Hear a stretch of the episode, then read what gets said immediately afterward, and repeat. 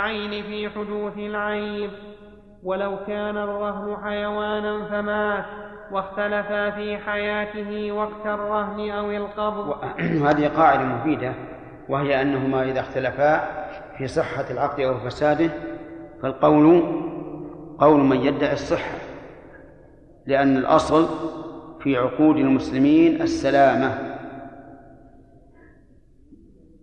لكن اختلفوا فيما إذا ادعى أحد المتعاقدين أنه عقد وهو صغير لم لم يبلغ فقال بعضهم إن القول قول من يدعي الصغر لأن الأصل عدم البلوغ. وقال بعضهم القول قول من يدعي الصحة لأن الأصل السلام. وهذا فيما إذا كان الصغير حين الادعاء بالغا. أما إذا كان صغيرا فالأمر ظاهر لا لا يزال صغيرا. لكن لو قال أنا نعم بعتك سيارتي وأنا لم أبلغ. فقال بل إنك بالغ. فمنهم من يقول القول قول المشتري لأنه يدعي سلامة العقل وصحته وهذا هو الأصل في عقود المسلمين. ومنهم من يقول القول قول البائع الذي يدعي الصغر لأن الأصل إيش؟ عدم البلوغ. وهنا الاختلاف في شرط سابق. لو كان اختلاف في شرط لاحق مثل أن يقول بعتنيه بعد أذان الجمعة الثاني فلا يصح. والثاني قال بل قبله فيصح. فالقول قول من يدعي أنه قبله لأن الأصل الصحة والسلام. والراجع عندي في مسألة الصغر أنه ينظر إلى القرائن إذا كانت مدة العقد بعيدة يعني يمكن أن يكون باعه قبل أن يبلغ؟ فالقول قول من الدعي وأما إذا كانت قريبة والاحتمال قوي فالأصل إيش؟ الصحة. نعم. ولو, ولو كان الرهن حيوانا فمات واختلفا في حياته وقت الرهن أو القبض فحكمه حكم العصير. وإن أنكر المرتهن قبضه فالقول قوله لأن الأصل معه وإن وجده معيبا واختلفا في حدوثه ففيه وجهان مبنيان على الروايتين في البيع. فصل إذا كان لرجل على آخر ألف, ألف برهن وألف بغير رهن فقضاه ألفا وقال قضيت دين الرهن فقال هي عن الألف الآخر فالقول قول, فالقول قول الراهن سواء اختلفا في لفظه أو نيته لأنها تنتقل منه فكان القول قوله في صفة النقل وهو أعلم بنيته ولو دفعها من غير لفظ ولا نية فله صرفها إلى أيهما شاء. كما لو دفع زكاة أحد الألفين فإن أبرأه المرتهن من أحدهما فالقول قول المرتهن لذلك وإن أطلق فله صرفها إلى أيهما شاء ذكره أبو بكر. واضح؟ لا. كيف لا؟ من أوضح ما يكون هذا؟ طيب هذا الراهن قضى ألفا وكان عليه ألفان أحدهما برهن والثاني بغير رهن فقال الدائن أنت دفعت الألف الذي بغير رهن ليبقى الألف الثاني آه، برهن ويكون الرهن عند عند المدفوع إليه عند الدائن. وقال الدافع وهو الراهن بل قضيت الألف التي فيها الرهن من أجل أن يفك الرهن ويأخذ رهنا فالقول قول الراهن لأنه هو الغارم ولأنه أعلم بنيته. عكس هذه المسألة إذا أوفاه و وفيه رهن اقرأ العبارة الأخيرة التي أشكلها على كما لو دفع إليه. فإن فإن أبرأه المرتهن. أبرأه المرتهن. هذا ما دفع. للمرتهن دينان أحدهما برهن والرهن في يد المرتهن. والثاني بلا رهن. فأبرأه. قال أبرأتك من أحد الألفين. فقال المرتهن أبرأتك من من الألف الذي ليس فيها. رهن يبقى الألف الباقي برهن. وقال الراهن بل أبرأتني من الألف التي فيها الرهن. علشان إيش؟ يفك رهن. لأجل أن يفك رهنه. فالقول قول المرتهن. لأنه هو الذي أبرأه. فالقول قول. إذا قال أنا أراه الدين الذي ليس فيه رهن قلنا طبعا يبقى لا قلنا القول قولك ويبقى الدين الثاني في مقابل الرهن. يعني عكس المسألة. وعكسها بعكس بعكس. نعم. فصل. وإن كان عليه ألفان لرجلين فادعى كل واحد منهما أنه رهنه عبده بدينه فأنكرهما حلف لهما وإن, صد وإن صدق أحدهما أو قال هو السابق سلمه إليه وحلف للآخر. وإن نكل والعبد في يد أحدهما فعليه للآخر قيمته تجعل رهنا. لأنه فوته على الثاني بإقراره للأول أو بتسليمه إليه. وقال القاضي هل يرجح صاحب اليد أو المقر له؟ يحتمل وجهين. وإن قال لا أعلم المرتهن منهما أو السابق حلف على ذلك. والقول قول من هو في يده منهما مع يمينه. وإن كان في أيديهما أو يد غيرهما فالحكم في ذلك كالحكم فيما إذا ادعيا ملكه فصل فإن ادعى على رجلين أنهما رهناه عبدهما بدينه فأنكرا فالقول قولهما. وإن شهد كل واحد منهما على الآخر قبلت شهادته لأنه لا يجلب بهذه الشهادة نفعا ولا يدفع بها ضررا. وإن أقر أحدهما وحده لزم في نصيبه وتسمع شهادته على صاحبه لما ذكرناه فصل وإن ادعى المرتهن هلاك الرهن بغير تفريط فالقول قوله لأنه أمين فأشبه المودع. وإن ادعى الرد ففيه وجهان أحدهما يقبل قوله لذلك والثاني لا يقبل لأنه قبضه لنفسه فلم يقبل قوله في الرد كالمستأجر وإن أعتق الراهن الجارية أو وطئها. هذا فيه إشارة لمن يقبل قوله في الرد. الذي يقبل قوله في الرد إن كانت العين عنده لمصلحة مالكها المحضة. فالقول قوله في الرد كالوديعة وإذا كانت لمصلحة القابض المحضة فلا تقبل. كالعارية. العارية بيد المستعير لمصلحة من؟ المستعير. فإذا ادعى الرد لم يقبل قوله. والثالث أن تكون لمصلحتهما جميعا كالعين المستأجرة. العين المستأجرة فيها مصلحة للمؤجر مالك العين وفيها مصلحة للمستأجر مالك المنفعة. فهل يقبل قوله في الرد؟ فيه فيه قولان في المذهب. منهم من رجح القول بأن القول قول من هي بيده ومنهم من قال بالعكس.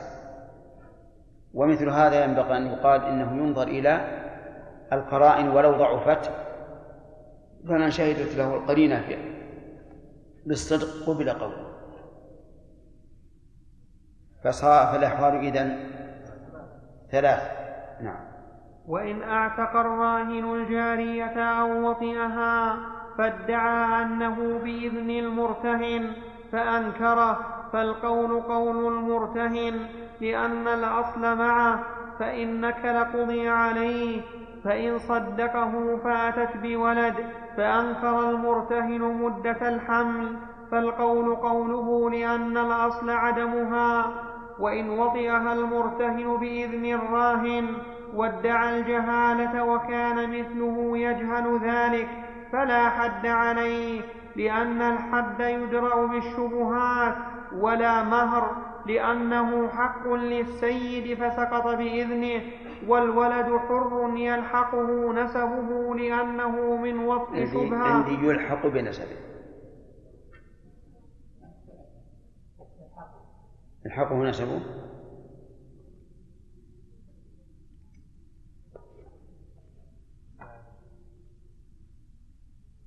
يلحقه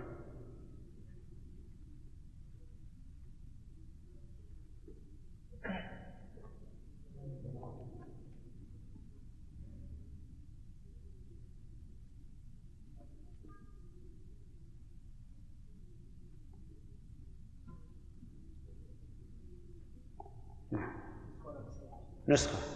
والولد حر يلحقه نسبه لأنه من وطئ شبهة ولا تصير أم ولد لأنه لا ملك له فيها وإن لم تكن له شبهة فعليه الحد والمهر وولده رقيق. انتهى الوقت. انتهى؟ باقي؟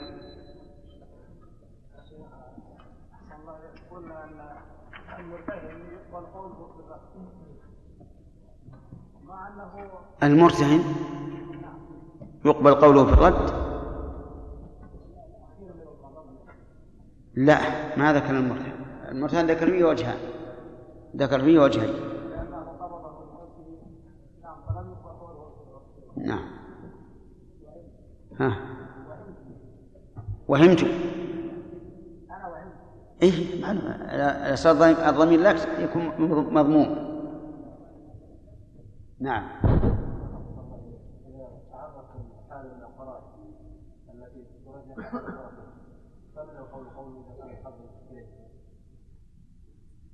لا ما يمكن تتفق القرائن ابدا. ابدا. لا بد يكون أحدهما أشد امنا أقوى امنا وايمانا من الآخر. يعني اتفاقها نادر جدا.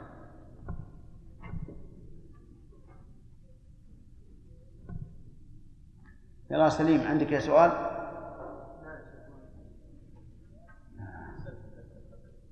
نعم. طيب لا بأس قضاء.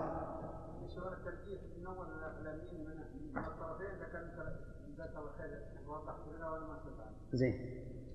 نعم. بالنسبة للمشاريع الخيريه الان كثير من المشاريع تعلن عن؟ رقم حساب في احد البنوك عن رقم حساب نعم في احد البنوك على أن يتبرع فإنه يجعله في حساب هذا الشخص الامين على نعم. نعم. فهل نقول هذا من باب الوديعة أو يدخل في قرض كل ما يعطى البنك فهو قرض. هل يمنع ذلك كيف؟ لا لا. جرى جرت العادة عند الناس أنه لا بأس به. اي العادة مضطردة نعم. بارك الله فيكم لو أن الامين لما تعدى أو فرط لم يكن للامانه هذه صاحب معين مثل ما يجمع التبرعات مثلا يوزع الفقراء ثم تعدى في وفرط فأين يرد هذه الوصية؟ وهو تعدى وفرط يضمنها للفقراء لمن جمعها له سواء للفقراء أو لشخص معين. يكون متعديا. لكنها ما ما تنتهي عندها كيف؟ مجرد تصرفه فيها يعتبر حتى لو استقرضها في السوق ليدفعها في بيته. يعني مثلا قد يشتري سلعة من السوق وقد أعطي مئة ريال لهذا الصندوق الخيري فأخرجها المخبات وشرى ليس له حق. طيب إذا كان مثلا الآن يبيعها لكنه لا يستطيع يدفعها الآن لأن المصلحة في دفعها الآن إلى التي وكل أن يدفع فيها. نعم. الآن؟ يخليها تبقى عنده وديعة. لا لا مؤتمن ما في شك. نعم. الله هي مسألة ما لو تلف كلمة العارية واتفق بسبب التلف لكن إيش؟ اتفق. نعم. فقال فقال انه انه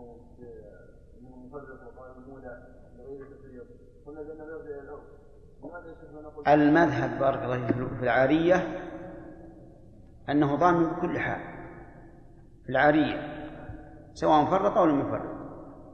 والصحيح أن العارية كغيرها من الأمانات إن تعدى أو فرط ضمن وإلا فلا ضمان عليه لكن قلنا يا شيخ بانه يرجع إلى الأول إيه، معلوم مسألة إذا اختلفا فيها في كون هذا الشيء تفريطا أم لا. واتفقا على الفعل ال- اتفقا على ما حصل. لكن ادعى الذي آه، الذي عنده أنه ليس بتفريط وادعى المالك أنه بتفريط. نرجع إلى العرف.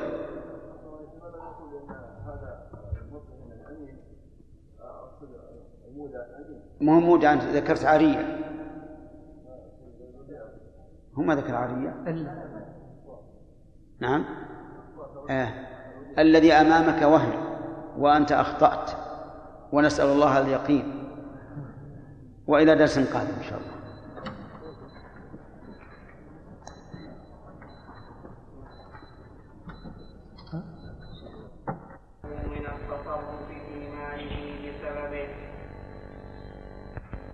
عندك لأنه لا يستحق من طلبه خطية. إيش؟ لأنه لا يستحق فلم يملك منعه منعه من ماله أو من التصرف منعه من ماله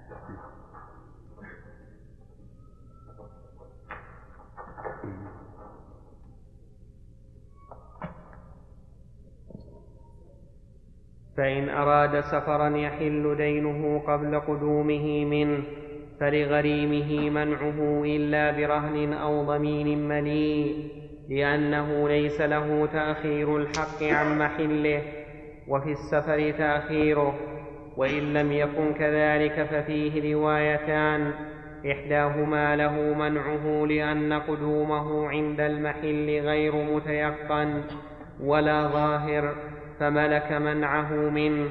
والثانية ليس له منعه لأنه لا يملك المطالبة به لأنه لا يملك المطالبة به في الحال ولا يعلم أن السفر مانع منها عند الحلول فأشبه السفر القصير. وإن كان الدين حالا والغريم معسرا لم تجز مطالبته لقول الله تعالى وإن كان ذو عسرة فنظرة إلى ميسرة وإن كان ذو عسرة فيها إشكال وهو رفع ذو مع أن المتبادر أن تكون منصوبة. نعم صالح. ها ما الإشكال؟ ما الإشكال؟ والمتوقع؟ فما الجواب؟ أنها تامة. ويكون المعنى إن كان ذو عسرة أي؟ إن وجد. أي نعم. المعنى إذا كان إذا كان المدين معسرا فنظرة إلى ميسرة. أي فعل الطالب نظرة أي إنظار إلى ميسرة. وحذف الخبر هنا من أجل أن يكون الذي يبدر إلى إلى ذهن المخاطب وسمع المخاطب هو الإنذار الإنذار الإنذار دون الوجوب لأن كلمة نظرة فنظرة وقعها في النفس أعظم من فعليه نظرة وهذا من بلاغة القرآن. فهنا استفدنا أولا الاختصار وثانيا قوة وقع الكلام في على النفس.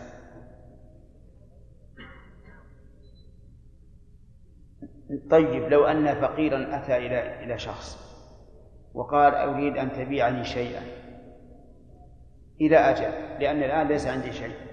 قال إلى متى؟ قال إلى أن يسر الله عليه أيجوز هذا الشرط؟ نعم. مجهول. متى يسر الله عليه نقول هذا الشرط جائز لا لأنه مجهول أو معلوم لكن لأنه هو مقتضى العقد. إذ أن مقتضى العقد أن الإنسان الفقير إذا بيع عليه فإنه لا يطالب إلا بعد الميسرة فيكون هذا كالتأكيد. ولهذا جاء في الحديث عن النبي صلى الله عليه وسلم أن رجلا قدم ببز له من الشام فقالت له عائشة يا رسول الله لو أرسلت إلى فلان. قدم له بز من الشام فأرسل إليه. وقال له في الأجل إلى إلى ميسرة. فأبى الرجل. لم يبع فدل ذلك على جواز شراء الفقير بأجل إلى ميسرة. نعم. ولا يملك حبسه ولا ملازمته لأنه دين لا يملك المطالبة به فلم يملك به ذلك كالمؤجل. فإن كان ذا صنعة ففيه روايتان إحداهما يجبر على إجارة نفسه لما روي أن رجلا دخل المدينة وذكر أن وراءه مالا فداينه الناس. ولم يكن وراءه ما ولم يكن وراءه مال فسماه النبي صلى الله عليه وسلم سرقا وباعه بخمسة أبعرة والحر لا يباع فعلم أنه باع منافعه ولأن الإجارة عقد معاوضة فجاز أن يجبر عليه كبيع ماله وإجارة أم ولده والثانية لا يجبر لما روى أبو سعيد أن رجلا أصيب في ثمان ابتاعها فكثر دينه فقال النبي صلى الله عليه وسلم تصدقوا عليه. فتصدقوا عليه فلم يبلغ وفاء دينه. فقال النبي صلى الله عليه وسلم خذوا ما وجدتم وليس لكم إلا ذلك. رواه مسلم. ولأنه نوع تكسب فلم يجبر عليه كالتجارة.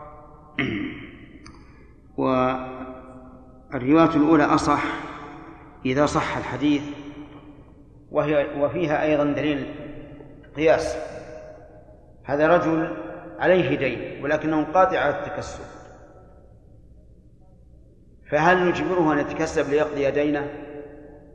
الحديث الأول يدل على ذلك لأن الرسول باعه بخمسة أبعرة وهو حر الحر لا يباع. فإذا تعذر بيع عينه تعين بيع منافعه وهذا هو الكسب. ولأنه قادر على الوفاء بكسبه فلزمه الوفاء به كالقادر على الوفاء بماله. ولا فرق. وأما الحديث الثاني الذي رواه مسلم فلا يعارضه. لأن الجواب عنه سهل. فالنبي فهذه قضية عين. يحتمل أن هذا الرجل الذي خسر في في بيعاته يختس يحتمل أنه عاجز عن التكسب. فلم يجبره فلم يجبره النبي صلى الله عليه وعلى آله وسلم. وأما قولي لأنه نوع تكسب فلم يجبر عليه كالتجارة فيقال سبحان الله. التجارة لا يلزم بها إذا كان معسرا. وهو قادر. إذا قلنا نعم نقول فرق بينه وبين المنافع. التجارة قد يتجر الإنسان وإيش؟ ويخسر فيزداد دينه لكن المنافع هو كسبان على كل حال سيعطى أجرة. فالقياس هنا فيه نظر. والحديث لا يعارض الحديث الأول والقياس مع الحديث الأول. أن القادر على الوفاء بكسبه كالقادر على الوفاء بماله ولا فرق نعم. فصل. وإن كان موسرا فلغريمه مطالبته وعليه قضاؤه لقول النبي صلى الله عليه وسلم مطل الغني ظلم متفق عليه. فإن أبى فله حبسه لقول النبي صلى الله عليه وسلم لي الواجد يحل, يحل عقوبته وعرضه. من المسند فإن لم يقضه باع الحاكم ماله وقضى دينه لما روي أن عمر رضي الله عنه قال إن أسيفع جهينة رضي من دينه أسيفع إن أسيفع جهينة رضي من دينه وأمانته بأن يقال سبق الحاج فأدان معرضا فمن كان له عليه مال فدان فدان. دان يعني تدين. فدان معرضا فمن كان له عليه مال فليحضر فإنا بائع ماله وقاسموه بين غرمائه فإن غيب ماله حبسه وعزه. رواه مالك في الموطأ بنحو ساقط عنه. إيه. عندنا مثبتة.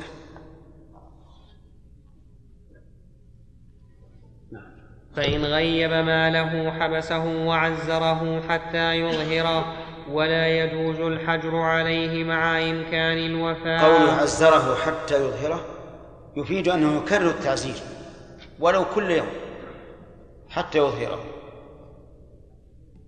وهذا ليس كالتعزير على فعل محرم لأن التعزير على فعل محرم لا يكرر. إذ أنه إذا عزر على فعل محرم انتهى عنه وانتهى الموضوع. لكن التعزير على ترك واجب يكرر حتى يقوم بالواجب.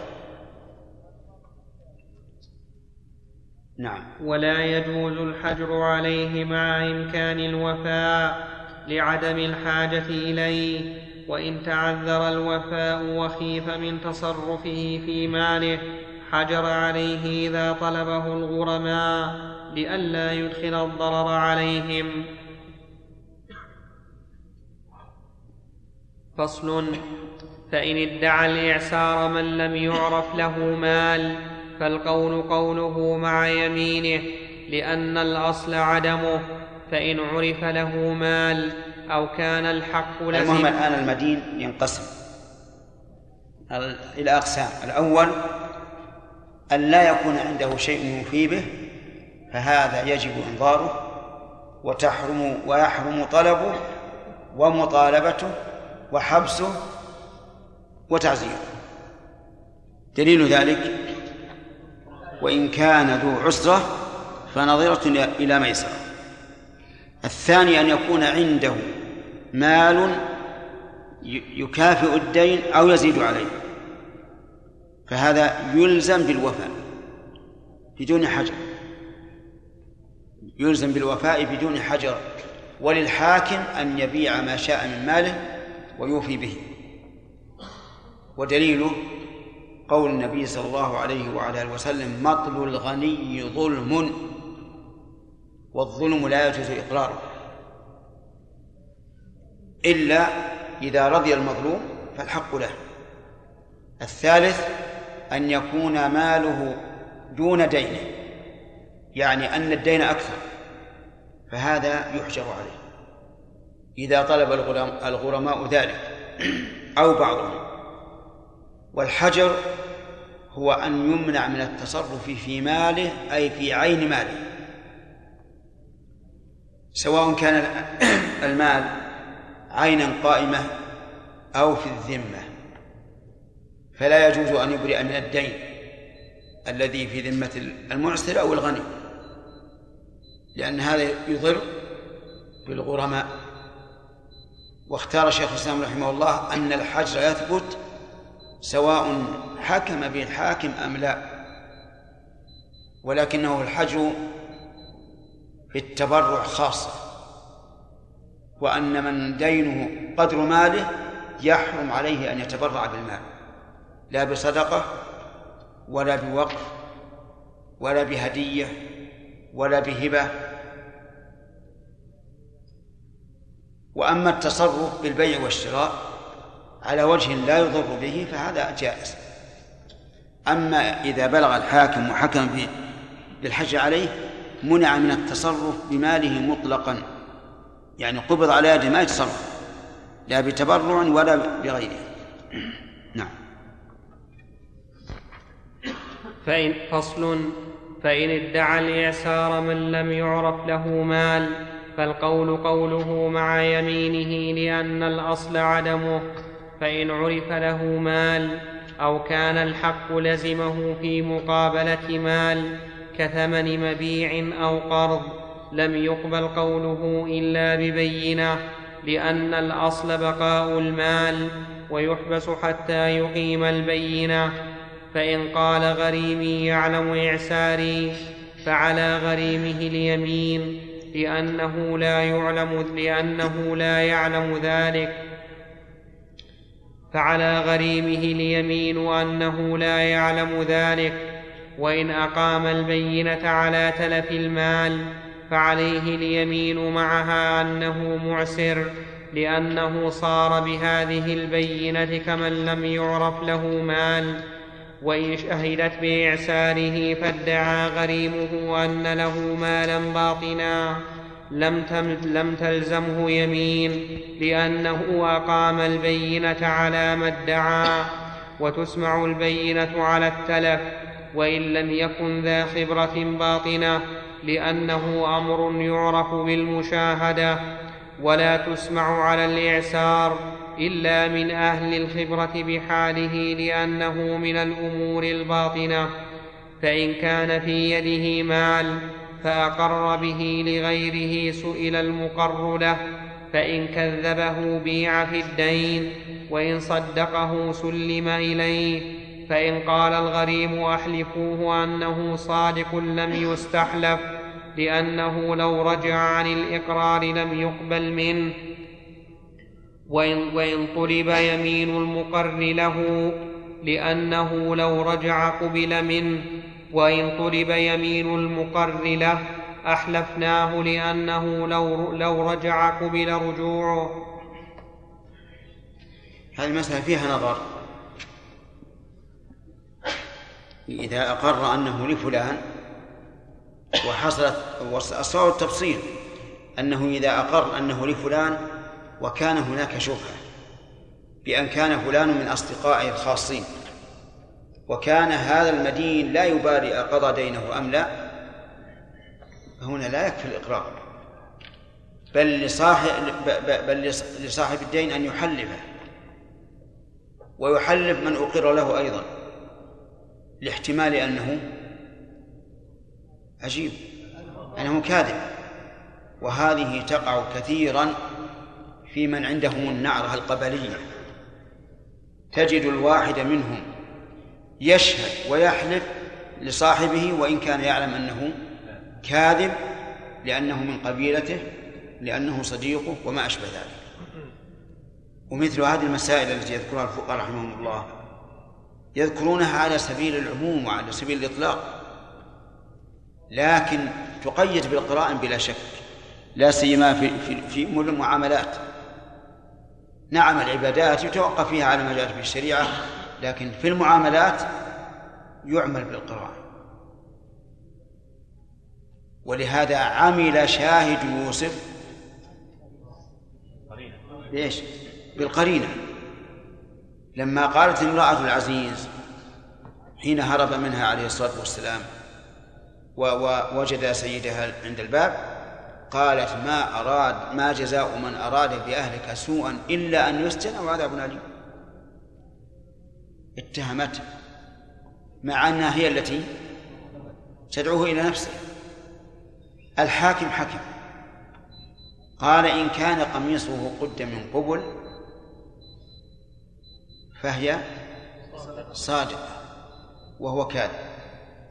وإن كان قميصه قد من دبر فهو صادق وهي كاذبة. إيش القرينة هنا؟ القرينة شق الثوب. أنه إذا كان من الأمام فمعناه أنه هو الذي طلبها وشقت ثوبه للفرار منه. وإذا كان من الخلف فمعناه أنه هرب. وليس منه طلب. فلحقته وجرت القميص حتى تمزق فهذا عمل بالقرائن.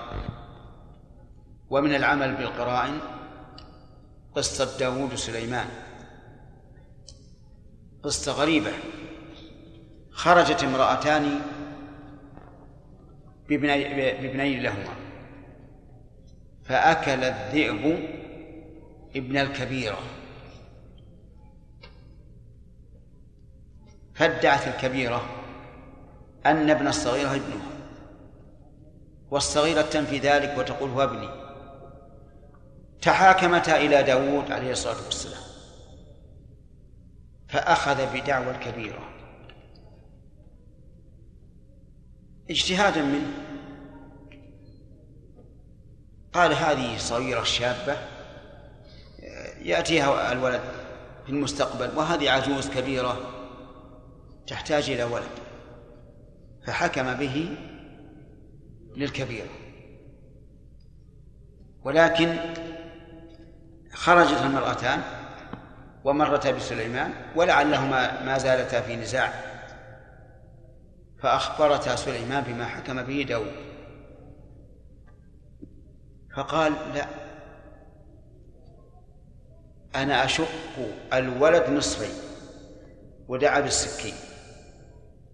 نصف تأخذ الكبيرة ونصف تأخذ الصغيرة.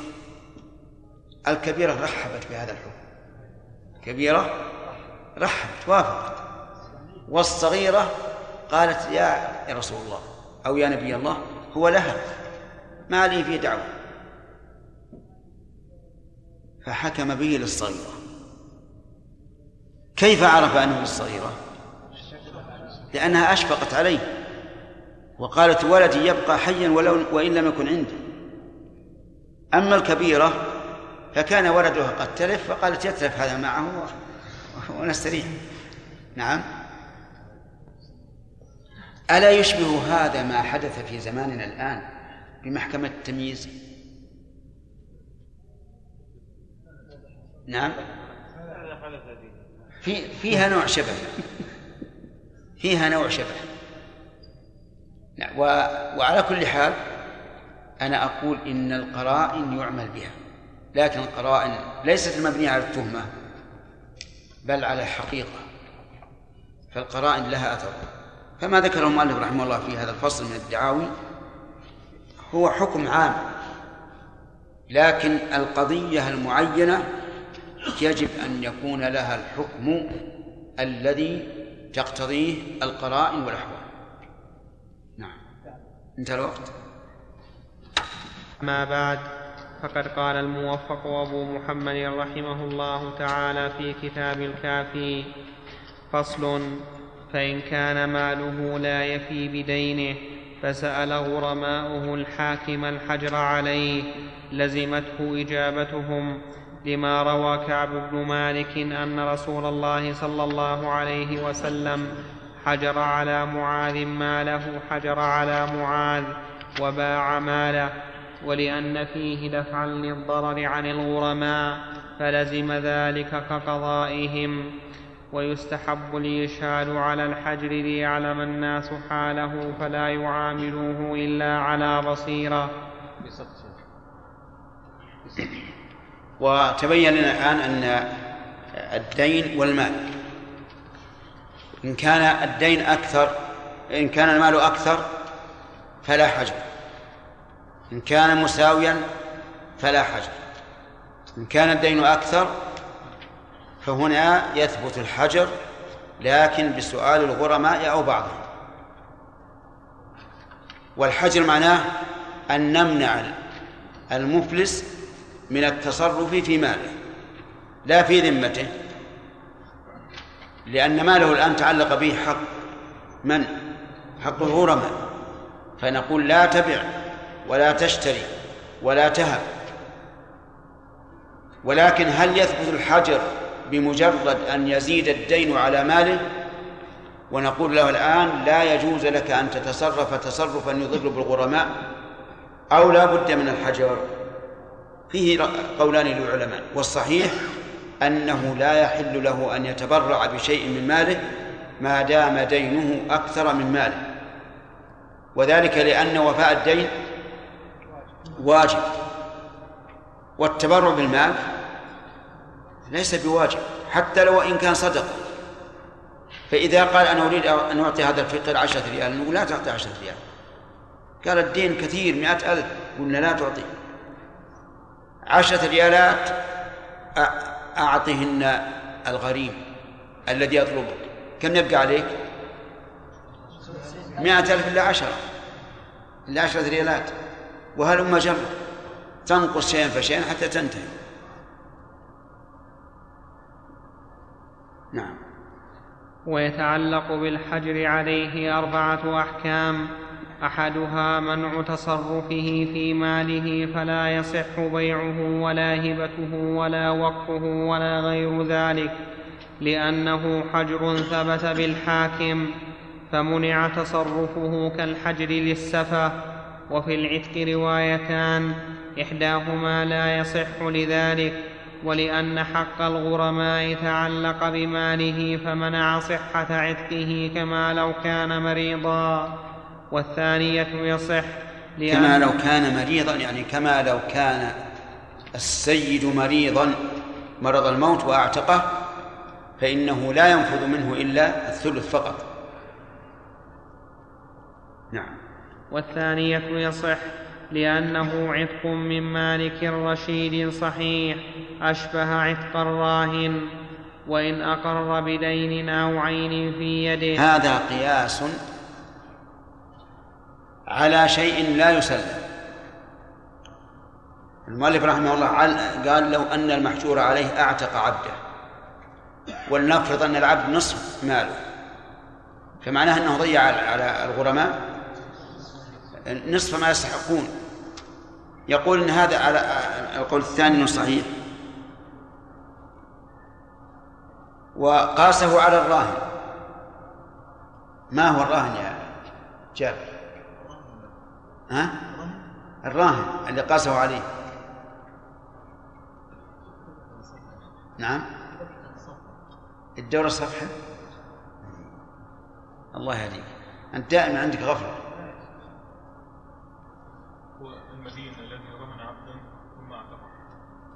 نعم. المدين الذي رهن عبده ثم اعتقه. فالمذهب أن العتق ينفذ والصحيح أنه لا ينفذ.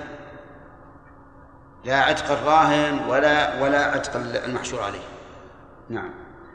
وإن أقر بدين أو عين في يده كالقصار والحائك يقر بثوب لم يقبل إقراره لذلك ويلزم في حقه عندك لذلك ولا بذلك؟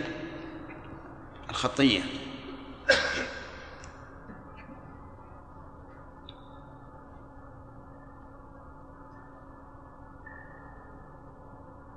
لذلك بالباء.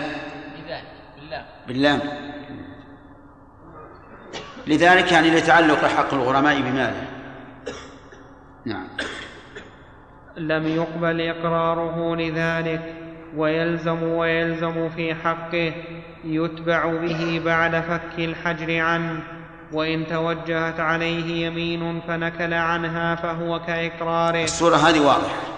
إنسان مثل بعد أن حجر عليه قال يا جماعة هذا الثوب الذي الذي عندي لفلان. لا لا يقبل إقراره بالنسبة للغرماء. ويقبل إقراره بالنسبة لصاحب الثوب. فيطالب به بعد فك الحجر عنه. ويقول مالك رحمه الله كالقصار والحائك. مع أن الغالب أن القصار صادق القصار الذي الذي يغسل الثياب. فإذا حجرنا على هذا الغسال الذي يغسل الثياب قال جماعة هذا الثوب لفلان. لا شك أن القرينة تدل على على صدقه ومع ذلك يقولون لا تقبل لكن لو أن صاحب الثوب جاء يدعيه مع إقرار القصار فهنا ينبغي أن يقال إن الإقرار صحيح وأن الثوب يعطى لصاحبه. أما على المذهب فيقول الثوب يدخل في ماله ويباع ويعطى الغرماء ويضمن لصاحب الثوب بعد فك الحجر. نعم. وإن تصرف في ذمته بشراء أو اقتراض أو ضمان أو كفالة صح لأنه أهل للتصرف والحجر إنما تعلق بماله دون ذمته ولا يشارك أصحاب ولا يشارك أصحاب هذه الديون الغر ولا يشارك أصحاب هذه الديون الغرماء لأن من حرك الغرماء. الغرماء. اعكس تصف ولا يشارك أص- أصحاب هذه الديون. أصحاب هذه الديون اعكس. تصف ولا. ولا يشارك أصحاب أصحاب نعم ولا يشارك أصحاب هذه الديون الغرماء لأن من علم من لأن من علم منهم بفلسه فقد رضي بذلك. ومن لم يعلم فهو مفرط ويت ويتبعونه بعد فك الحجر عنه. وهل للبائع يتبعونه؟ كذا عندك. الخطية هذا هو الصواب. العلي- هذا مصحة و- ومصحح غلط. يتبعونه. شوف ال- الظاهر إنه أراد أن يصحح يتبعوه. اللي في المطبوعة يتبعونه ولا يتبعوه؟ يتبعون. بدون نون. بدون ضمير. لا. بضمير. بضمير بدون نون. أي أنا عندي مصححة هنا بالنون والضمير. بالنون والضمير صح. أي. لكن هو أراد الظاهر والله أعلم اللي عندي الآن في المطبوعة ويتبعوه. وهذا غلط لأن حذف النون لا موجب له. والصواب ويتبعونه غلط. غلط.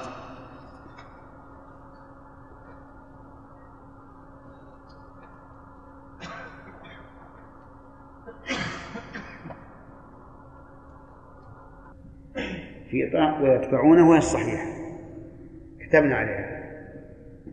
ويتبعونه بعد فك الحجر عنه. وهل للبائع والمقرض من اللي يتبعونه؟ أصحاب الديون الذين أقر لهم بعد بعد الحجر. أي نعم. وهل للمقرض والباء وهل للبائع والمقرض الرجوع في أعيان أموالهما إن وجداها على وجهين؟ أحدهما لهما ذلك للخبر ولأنه باعه في وقت الفسخ فلم يسقط حقه منه كما لو تزوجت المرأة معسرا بنفقتها. والثاني لا فسخ لهما لأنهما دخلا على بصيرة بخراب الذمة فأشبها من اشترى معيبا يعلم عيبه. والصحيح أنهما يرجعان بعين ماله. نعم لو علم أنه محصور عليه فقد فرط. أما إذا جهل وهو رجل معروف يبيع ويشتري مع الناس ثم تبين أنه محصور عليه فلا بد أن أن يرجع بماله.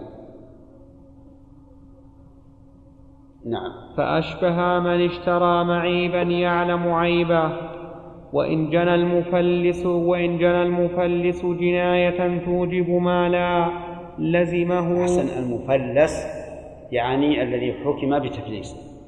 فتح الله.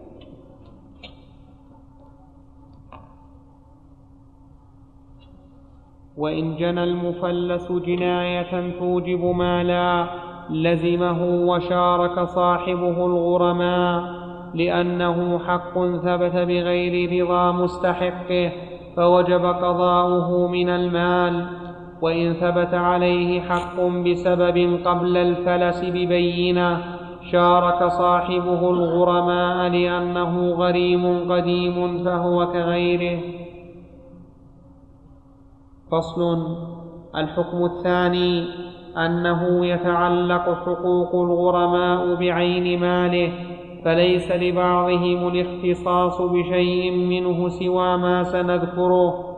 ولو قضى المفلس أو الحاكم بعضهم وحده لم يصح لأنهم شركاؤه فلم يجز اختصاصه دونهم.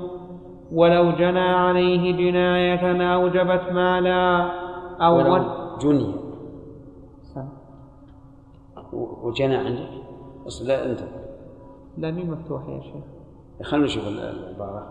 كمل ولو جني عليه جناية أوجبت مالا أو ورث مالا تعلقت حقوقهم به وإن أوجبت قصاصا لم يملكوا إجباره على العفو إلى مال. لأن فيه ضررا بتفويت القصاص الواجب لحكمة الأحياء. الأحياء فتح الهمزة.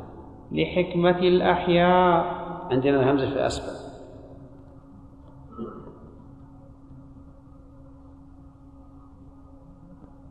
إذا ولو جني عليه جناية. بضم الجيم. ولا يجبر على قبول هبة ولا صدقة ولا قرض مثال ذلك هذا ال- الذي أجر عليه جنى عليه جان وقطع يده عمدا. اليد فيها نصف الدية؟ فقال الغرماء أعفوا إلى دية. قال لا أنا أريد القصاص. وهو إذا اقتص لم يحصل على مال. على مال. فهل يلزمونه على أن يعفو إلى المال؟ لا لا يلزمون وذلك لأن الإنسان يريد القصاص للتشفي. فلا فلا يتشفى بكونه يأخذ دية ها؟ نعم. يعني حمايتهم من الاعتداء عليه. ولا يجبر على قبول هبة ولا صدقة ولا قرض عرض عليه. قرض. سم. ولا قرض. إيه، ولا قرض عرض عليه. يعني قلت ولا فرض. أليس كذلك؟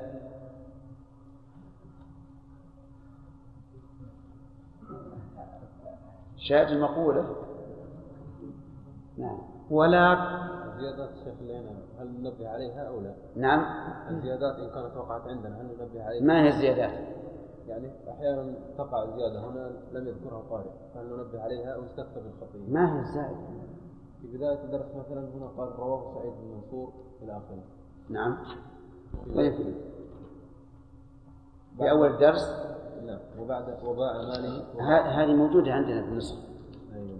لكنه ما قرأها القارئ. لأن يمكن المطبوعة القديمة ما ما نعم.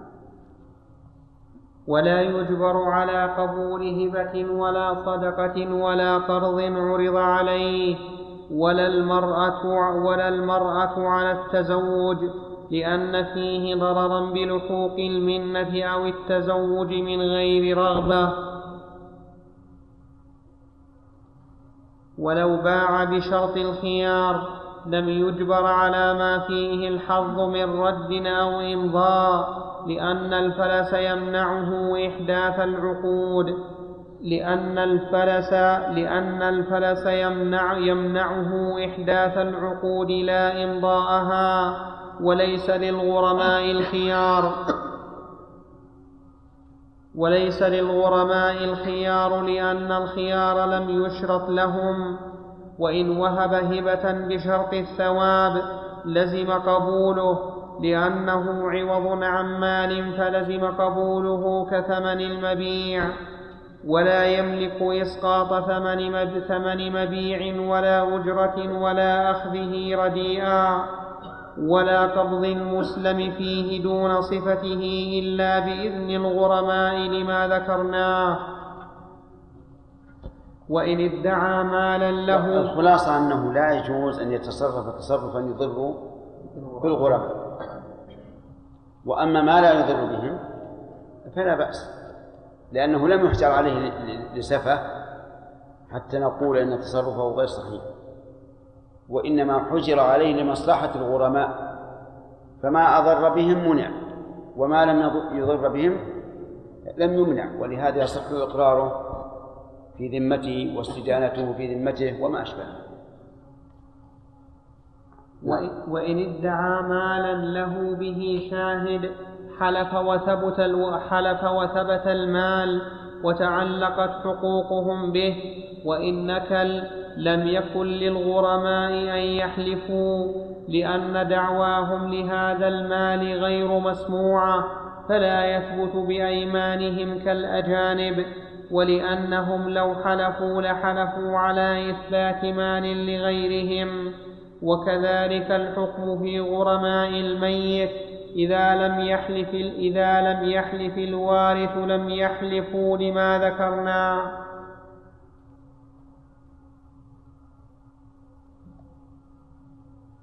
فصل. والحكم الثالث. أن للحاكم بيع ماله وقضاء دينه ويستحب أن يحضره عند البيع لأنه أعرف بثمن ماله وجيده ورديئه فيتكلم عليه وهو أطيب لقلبه ويحضر الغرماء لأنه أبعد من التهمة وربما رغب بعضهم في شراء شيء فزاد في ثمنه. أو وجد عين ماله فأخذها فإن لم يفعل جاز لأن ذلك لكن إذا زاد أحد الغرماء في الثمن وخيف منه أن لا يوفي بناء على أن أنه أن له دينا على هذا المحجور عليه. ففي هذه الحال لا نقبل منه الزيادة لأن هذه الزيادة ستعود ستعود بالنقص على بقية الغرماء. إلا إذا نقد الثمن أو أتى برهن أو ضمين. نعم. لأن ذلك موكول إليه ويقيم مناديا ينادي على المتاع فإن عين الغرماء أو المفلس مناديا ثقة أمضاه الحاكم وإن لم يكن عندي ثقة. فإن عين المفلس والغرماء. بدون بدون أو. لا أنا عندي بأو وبتقديم الغرماء على المفلس الواو. نعم.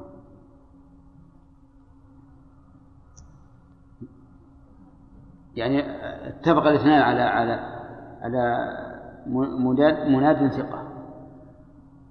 نحط تصحيح. أما على النسخة اللي عندكم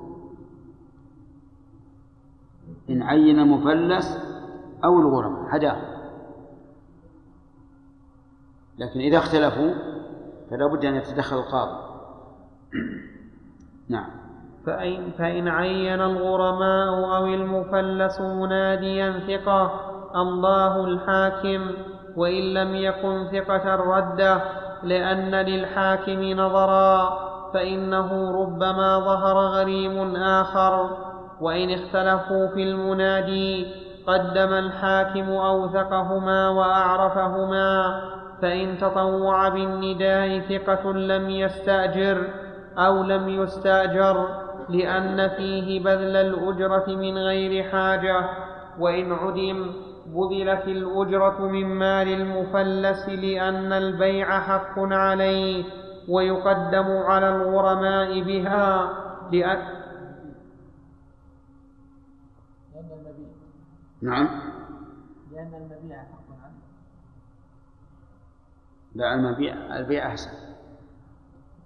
ويقدم على الغرماء بها لأنه لو لم يعط لم يناد يعطى. لأنه لو لم يعط لم يناد وكذلك أجرة من يحفظ المتاع والثمن ويحمله ويباع كل يعني هؤلاء مقدمون على الغرماء لأن عملهم يتعلق بنفس المال وهو لمصلحة الغرماء. فلا نقول إنهم يشاركون الغرماء في في الدين ويوزع عليهم بالقسط بل نقول يقدمون لأنهم يعملون لمصلحة الغرماء. نعم. ويباع كل شيء في سوقه لأن أهل السوق أعرف بقيمة المتاع وأرغب. وطلابه فيه وطلابه فيه أكثر فإن باعه في غيره بثمن مثله جاز لأنه ربما أداه اجتهاده إلى ذلك لمصلحة فيه ويبدأ ببيع ما يسرع إليه الفساد لأن في تأخيره هلاكة ثم بالحيوان لأنه يحتاج إلى العلف. ويخشى عليه التلف ثم بالأثاث لأنه يخشى تلفه وتناله اليد ثم بالعقار لأنه أبعد تلفا وتأخيره أكثر لطالبيه فيزداد ثمنه. ومن؟ نعم. جاء وقت السؤال. سليم. بين الآية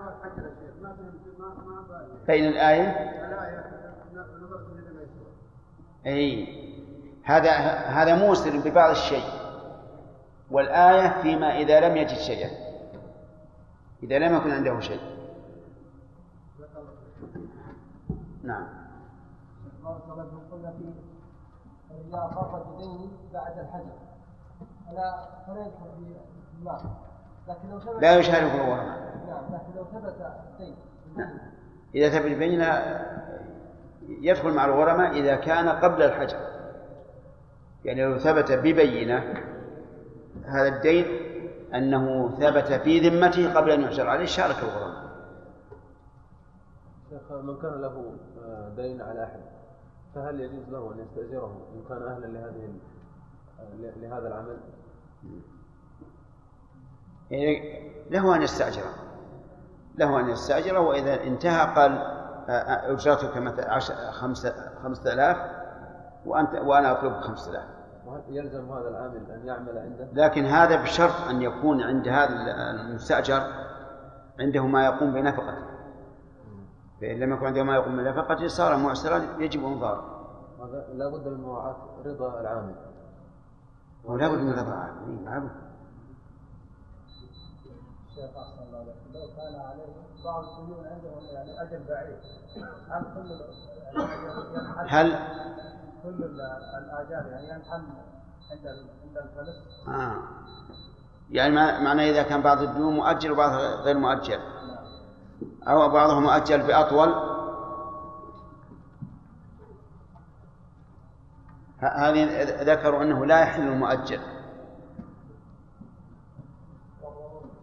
يبقى في ذمته حتى يسر هذا ومن وجد من الغرماء ومن وباب التثليس ومن وجد من الغرماء عين ماله فهو أحق بها. ومن ومن اكترى من المفلس دارا أو ظهرا بعينه قبل الحجر عليه فهو أحق من به. وجد بسم الله الرحمن الرحيم. من وجد من الغرماء ماله عين ماله فهو أحق بها. عين ماله؟ بأن يكون باعه بالأمس. سيارة. وحجر عليه اليوم. السيارة ما زالت معه. والبيع بالأمس صحيح ولا غير صحيح؟ صحيح. فهذا الذي وجد عين ماله مقدم على الغرماء لقول النبي صلى الله عليه وسلم من وجد عين ماله عند رجل قد أفلس فهو أحق به. نعم.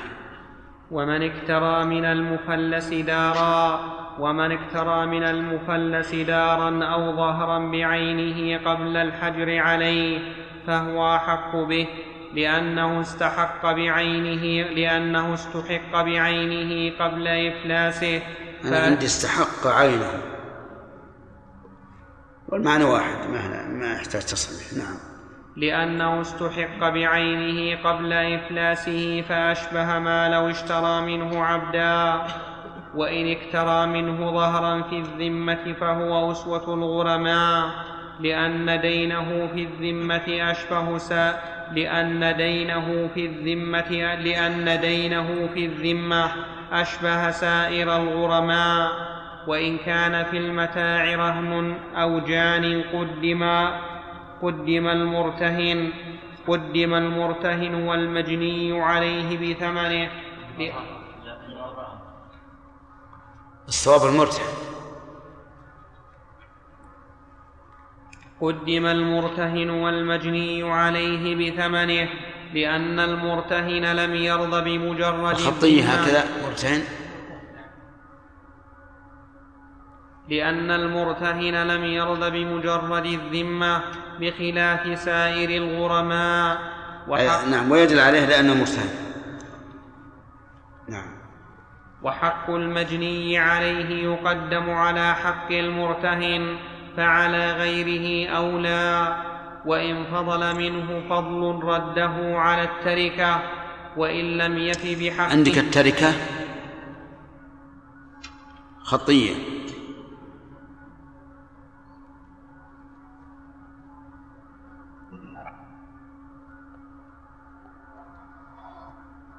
قريبة من العبارة التي تو تركة. وإن فضل منه لأن التركة إنما تكون للميت لا للمفلس. ولو قال رده في مال المفلس كان أوضح. لكن هذا مراده لا شك. نعم. وإن لم يف بحقهما فلا شيء للمجني عليه. لأنه لا حق له في غير الجاني. ويضرب المرتهن مع الغرماء بباقي دينه لأن حقه متعلق بالذمة مع تعلقه بالعين. وإن بيع له متاع فهلك ثمنه فهلك ثمنه. أو استحق. سم. أو استحق المبيع. عندي إشارة إلى نسخة و... ولم يتضح المقصود ها؟ وإن بيع له متاع فهلك ثمنه استحق أو استحق عندي فوق أو نون وقوس قوسين وش على, على هذا التصحيح وش يعني وش يكون العبارة؟ تكون العبارة فهل وإن بيع له متاع فهلك ثمنه استحق المبيع واستحق المبيع رجع المشتري بثمنه. استحق المبيع واستحق المبيع؟ لا. وإن بيع له متاع فهلك ثمنه واستحق المبيع رجع المشتري آه. بثمنه. واستحق المبيع. نعم.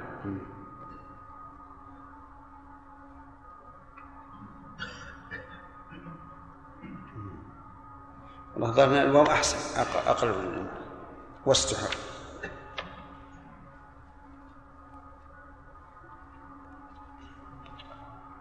حتى نسخة. وإن بيع له متاع.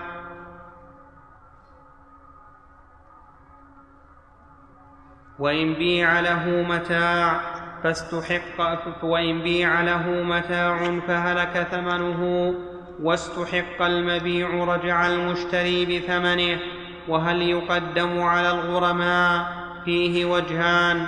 أحدهما يقدم لأن في تقديمه مصلحة فإنه لو لم يقدم تجنب الناس شراء ماله خوفا من الاستحقاق فيقل ثمنه فقدم به كأجرة المنادي.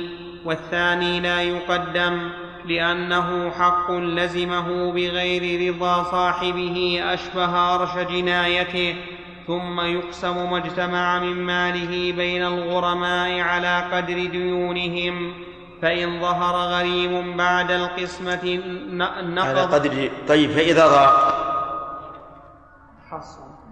إذا ضاق ينسب الموجود للدين فإذا كان الموجود نصف الدين أعطي كل واحد نصف دين. فإذا قدرنا أن الدين عشرة عشرة آلاف والموجود خمسة يعطى كل واحد إيش؟ نصف دينه قل أو كثر. فمن له ألف يعطى خمسمائة.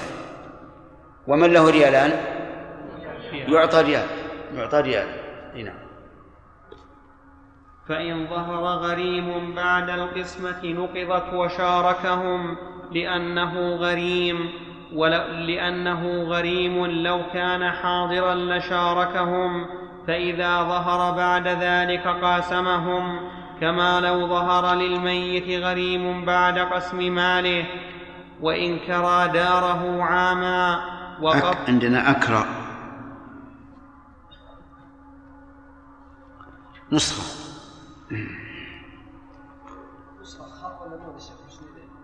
خاء نون بيان. إذا كلمة واضحة يكتبوها يكتبوها نون يعني بيان. وإن أكرى داره عاما وقبض أجرتها فقسمت ثم انهدمت الدار رجع المقتري على المفلس بأجرة ما بقي. فلس. رجع المقتري على المفلس بأجرة ما بقي وشاركهم فيما اقتسموه. لأنه دين وجب بسبب قبل الحجر فشارك به الغرماء كما لو انهدمت قبل القسمة.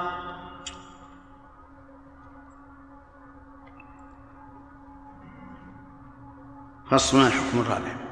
فصل الحكم الرابع أن من وجد عين ماله عنده فهو أحق بها لما روى أبو هريرة أن النبي صلى الله عليه وسلم قال من وجد متاعه بعينه عند إنسان قد أفلس فهو أحق به متفق عليه وله الخيار بين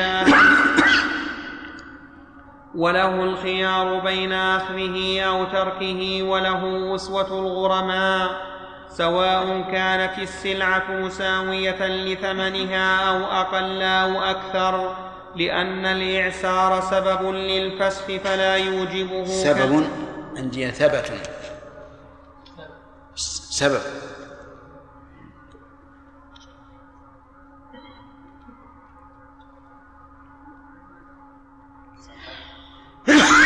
نعم.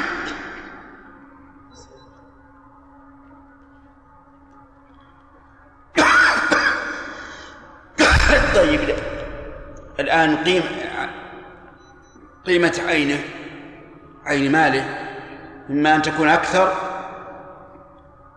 أو أقل أو مساوية. فإذا كانت أقل مثل أن يكون باعها بألف والآن تساوي خمسمائة. وقال أريد أن أخذها بخمسمائة وأضرب مع الغرماء بما بقي. فليس له ذلك. يقال إما أن تأخذها ولا شيء ولا شيء ولا شيء لك وإما أن تضمن بقية المال. وإذا كانت أكثر وأراد أن يأخذها فله ذلك بأن يكون قيمتها بأن يكون باعها بخمسة والآن تساوي عشرة. فله ذلك مع أنه سوف يكون فيه إضرار على الغرماء. فلو قال الغرماء لهذا الرجل الذي وجد عين ماله نحن ندفع لك الثمن الذي الذي الذي بعتها به ودعها ندخلها مع مع المال لأنه حتى يكثر. فالظاهر أن لهم ذلك. الظاهر أن لهم ذلك وأن معنى قول النبي صلى الله عليه وسلم فهو أحق به يعني عند التزاحم وضيق المال. أما إذا لم يكن تزاحم ولا ولا ضيق مال وقيل للرجل نسلمك ما بعت به فالظاهر أنه ليس له الحق في أن يأخذ السلعة. نعم. ولا يفتقر إلى حاكم للخبر ولأنه فسخ ثبت بنص السنة فلم يفتقر إلى حاكم كفسخ كفسخ كفسخ النكاح بالعفك تحت العبد وفيه وجهان. أحدهما أن الخيار على التراخي لأنه رجوع لا يسقط إلى عوض فكان على التراخي كالرجوع في الهبة. والثاني هو على الفور اختاره القاضي لأن في تأخيره إضرارا بالغرماء لتأخير حقوقهم. ولأنه خيار يثبت في البيع لنقص في العوض أشبه الرد بالعيب فإن حكم حاكم الرد بالعيب سبق أنه على إيش؟ على التراخي. فالصواب أنه على التراخي لكنه إذا لكنه يضرب له أجل أجل يضرب له أجل بحيث لا يضرب الغرماء فيقال أنت الآن أحق بسلعتك ولكن يلا هل تريد السلعة أو تضرب مع الغرماء قال أمهلوني. كل ما قالوا له قال أمهلوني. هل لا يمكن؟ نقول لك يوم, يوم لك يوم أو يومان إما أن تختار هذا أو هذا. نعم. اختاره القاضي نعم. فإن حكم حاكم بسقوط الخيار فقال أحمد رضي الله عنه ينقض حكمه لأنه يخالف صريح السنة ويحتمل, ويحتمل أن لا ينقض لأنه مختلف فيه. ولو بذل الغرماء لصاحب السلعة ثمنها ليتركها لم يلزم وهذا الاحتمال أصح. إذا كان الذي نقضه يعني عنده علم ونعلم أنه فعل ذلك اجتهادا أما إذا كنا لا نعلم أو اتهمنا هذا القاضي أنه أراد المحاباة للغرماء فلا شك أنه لا لا يمكن أن يسقط الخيار. نعم. ولو بذل الغرماء لصاحب السلعة ثمنها ليتركها لم يلزمه قبوله للخبر.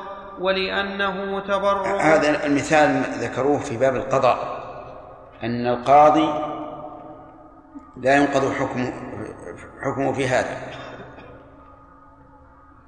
ولو لو نقل هذا الاحتمال إلى هناك لأنه قد لا قد يغيب عن ذهن الإنسان ما ذكره موفق هنا. نعم.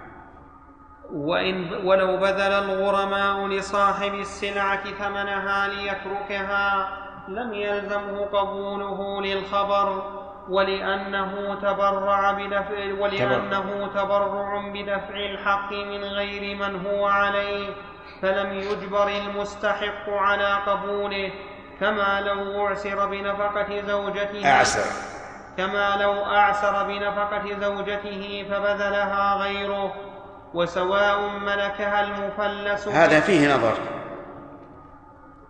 لأن كونه يأبى لا شك أن فيه إضرار على الغرماء. كذلك الزوجة إذا أعسر الزوج بنفقتها. وقام بعض المحسنين وقال أنا أنا أعطيك النفقة. فليس لها الفسخ لأنها أصبح الآن ليس لها علي ليس عليها ليس عليها ضرر. فإن قالت فيه المنة قلنا المنة ليست عليك في هذه الحال المنة على من؟ على الزوج.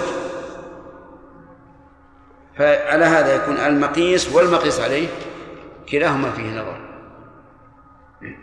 نعم. وسواء ملكها المفلس ببيع أو قرض لعموم لعموم الخبر لو ولو أصدق امرأة مالا وأفلست قبل دخوله بها ثم ارتدت أو طلقها ووجد عين ماله فهو أحق بها.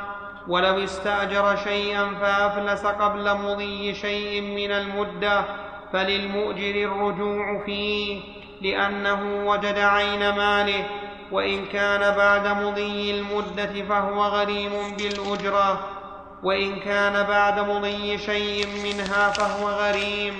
لأن المدة كالمبيع ومضي بعضها كتلف بعضه. وقال القاضي له الفسخ فإن كان للمفلس زرع فعليه تبقيته بأجرة مثله.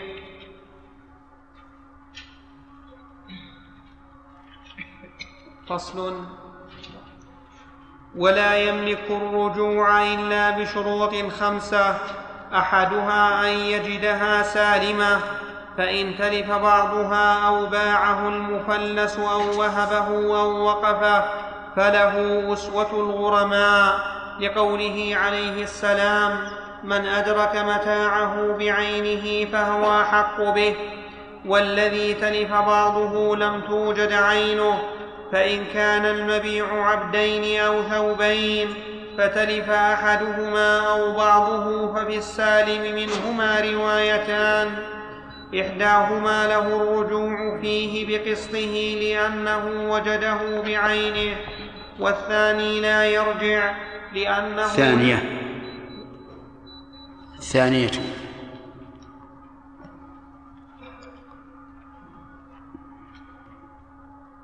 والثانية لا يرجع لأنه لم يجد المبيع بعينه يشبه العين الواحدة. وإن كان المبيع شجرة مثمرة فتلفت ثمرتها فله أسوة الغرماء لأنهما كالعين الواحدة إلا أن تكون الثمرة مؤبرة حين البيع فاشترطها المبتاع فهما كالعينين لأن الثمرة لا تتبع الأصل فهي كالولد المنفصل. وإن نقص المبيع صفة مثل أن هزل مثل أن هزل أو نسي صناعة أو هزل. الصواب هزل. مثل أن هزل. لقد هزلت حتى بدا من هزالها كلاها وحتى سامها كل مفلس. نعم. مثل أن هزل أو نسي صناعة أو كبر أو كان ثوبا فخلق لم يمنع الرجوع لأن فقد الصفة لا يخرجه عن كونه عين المال فيتخير بين أخذه ناقصا أو يكون أسوة أو يكون أسوة الغرماء بكل الثمن. وإن فقئت عينه فهو كتلف عندك أو يكون ولا أو يكون؟ أنا يا شيخ عندي.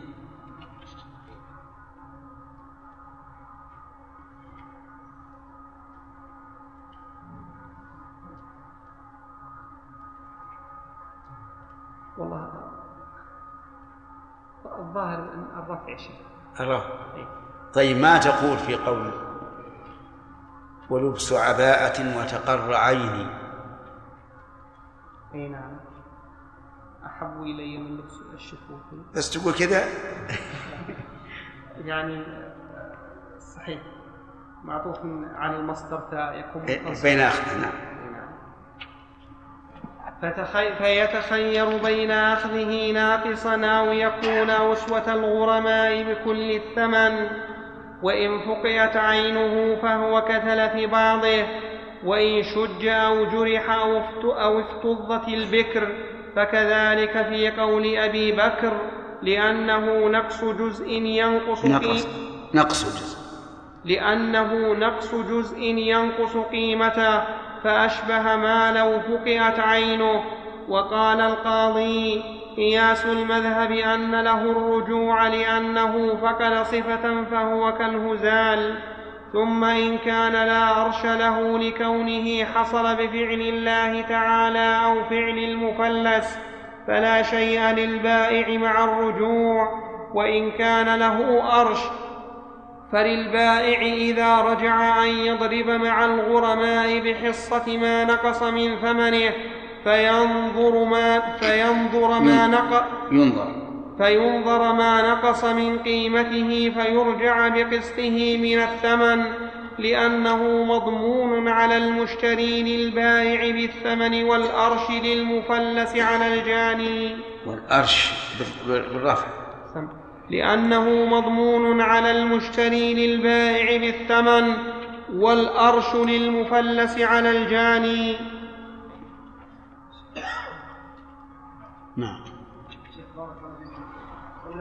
ثمن السلعه زاد فان له ان ياخذها ثم قلنا من الحديث الظاهر ان المراد التزام إيش؟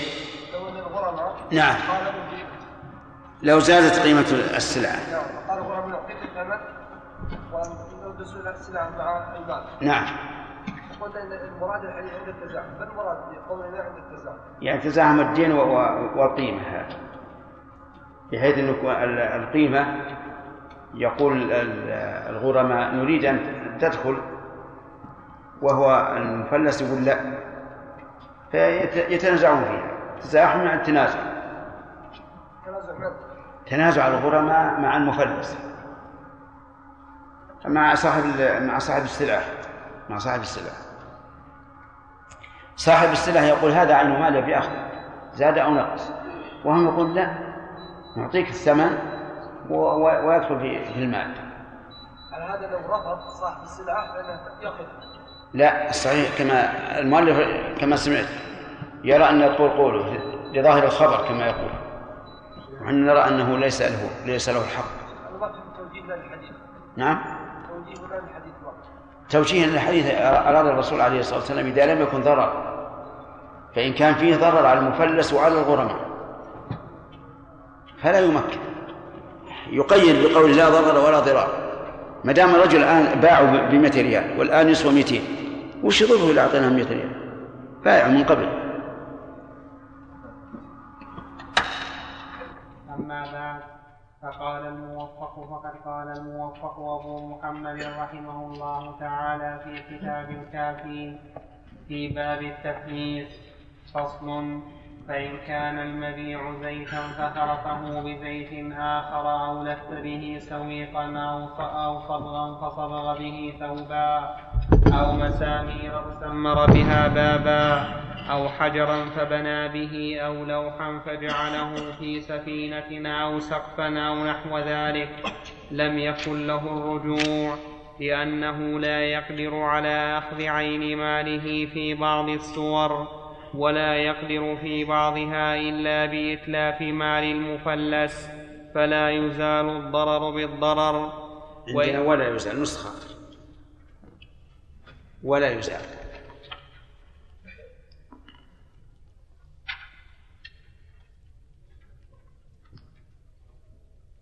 ولا يزال الضرر بالضرر. الكلام الآن في إيش؟ في رجوع البائع بعين ماله إذا حجر على المشتري. نعم.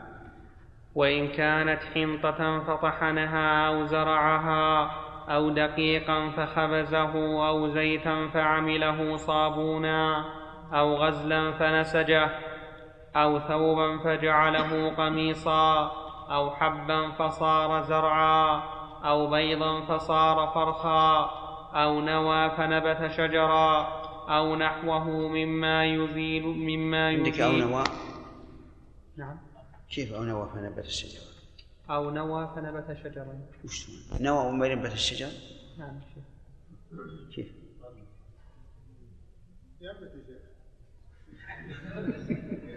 درس يقول أو نوى ف أو نوى فنبت شجرة. ليس المراد بنوى النية التي هي عقد القلب إنما هو حب التمر. أي أجل إذن يجب أن تقول أو نوى.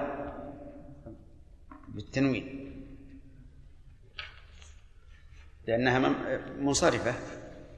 مثل هدى. هدى منصرفة. نعم. أو نوى فنبت شجرا أو نحوه مما يزيل اسمه. فلا رجوع له لأنه لم يجد متاعه بعينه لتغير اسمه وصفته؟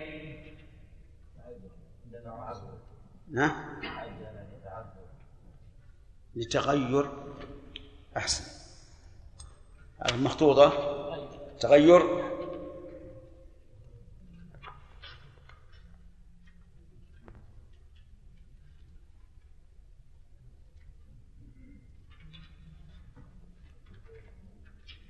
فصل وإن اشترى ثوبا فصبغه أو وهذه الحكمة من كون الرسول صلى الله عليه وسلم يقول متاعه بعينه متاعه بعينه.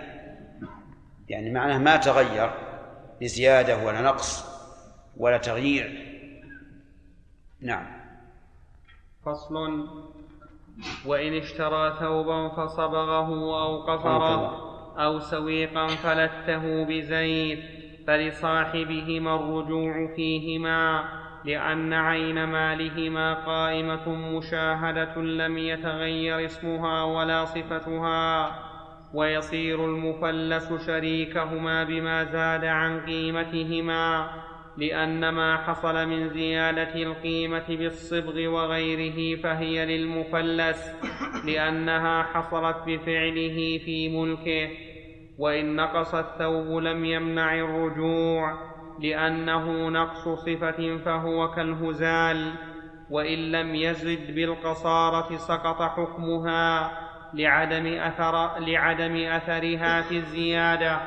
وإن اشترى أرضا فزرعها ثم أفلس فللبائع الرجوع فيها لما ذكرنا ويكون الزرع مبقا إلى الحصاد بغير أجرة. لأن العوض في مقابلة الأرض لا في مقابلة المنفعة فإذا فسخ عادت إليه الرقبة دون المنفعة المستثناة شرعا كما لو باعه أمة فزوجها ثم رجع فيها دون منفعة بضعها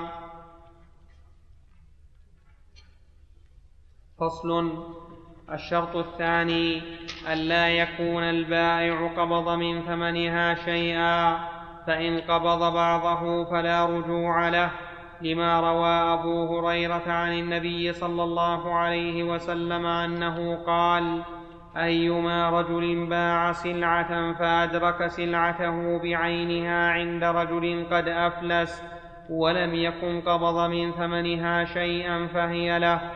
وإن كان قد قبض من ثمنها شيئا فهو أسوة الغرماء. رواه أبو داود.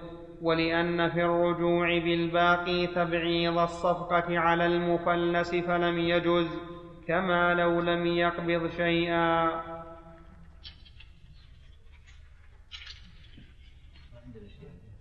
نعم.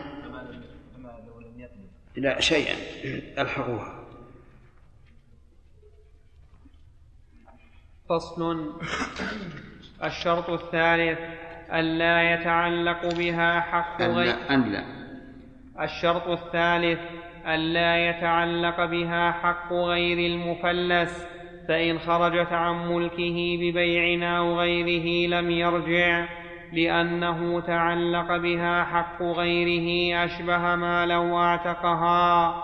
وإن رهنها سقط الرجوع لذلك وإن تعلق بها أرش جناية سقط الرجوع لأنه يقدم على حق المرتهن فهو, فهو أولى بالمنع ويتوجه ألا يمنع لأنه ألا يمنع. ويتوجه ألا يمنع لأنه لا يمنع تصرف المشتري بخلاف الرهن فعلى هذا إن شاء رجع فيها ناقصة بعيب الجناية. وإن شاء فله وسوة الغرماء فإن كان دين الرهن أو أرش أو أرش الجن فإن كان فإن كان دين الرهن أو أرش الجناية بقدر بعضه منع الرجوع في الجميع. نعم. إن كان دين الرهن. أحسن. الرهن أحسن. منع الرجوع في الجميع لأنه معنى منع الرجوع في بعضها فمنعه في جميعها كبيع بعضها. وقال القاضي يرجع في باقيها بقسطه لأنه لا مانع فيه وإن كان المبيع شقصا مشفوعا ففيه وجهان. أحدهما للبائع الرجوع اختاره ابن حامد للخبر ولأنه إذا رجع فيه عاد الشخص إليه فزال الضرر عن الشفيع لعدم شركة غير البائع. فزال الضرر عن الشفيع. الشفيع.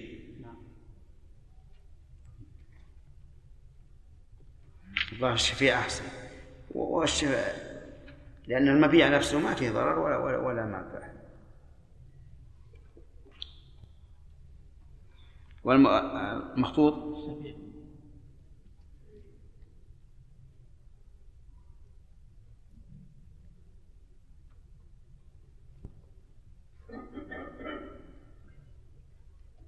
نعم.